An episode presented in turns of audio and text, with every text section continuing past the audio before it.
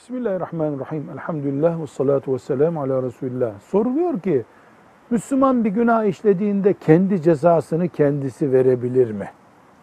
Yani o günahın cezası neyse kalkıp kendisine o cezayı verebilir mi? Net karşılığı şudur. İslam dininde cezaları devlet verir. Vatandaşlar birbirlerine veya kendilerine ceza uygulamazlar. Eğer Müslüman İslam devleti yok veya vicdanı rahat etmiyor verilen cezadan gibi bir sebeple tıkanma hissediyorsa tövbe eder, istiğfar eder, çok çok salih amel işler ve açığını kapatır. Velhamdülillahi Rabbil Alemin.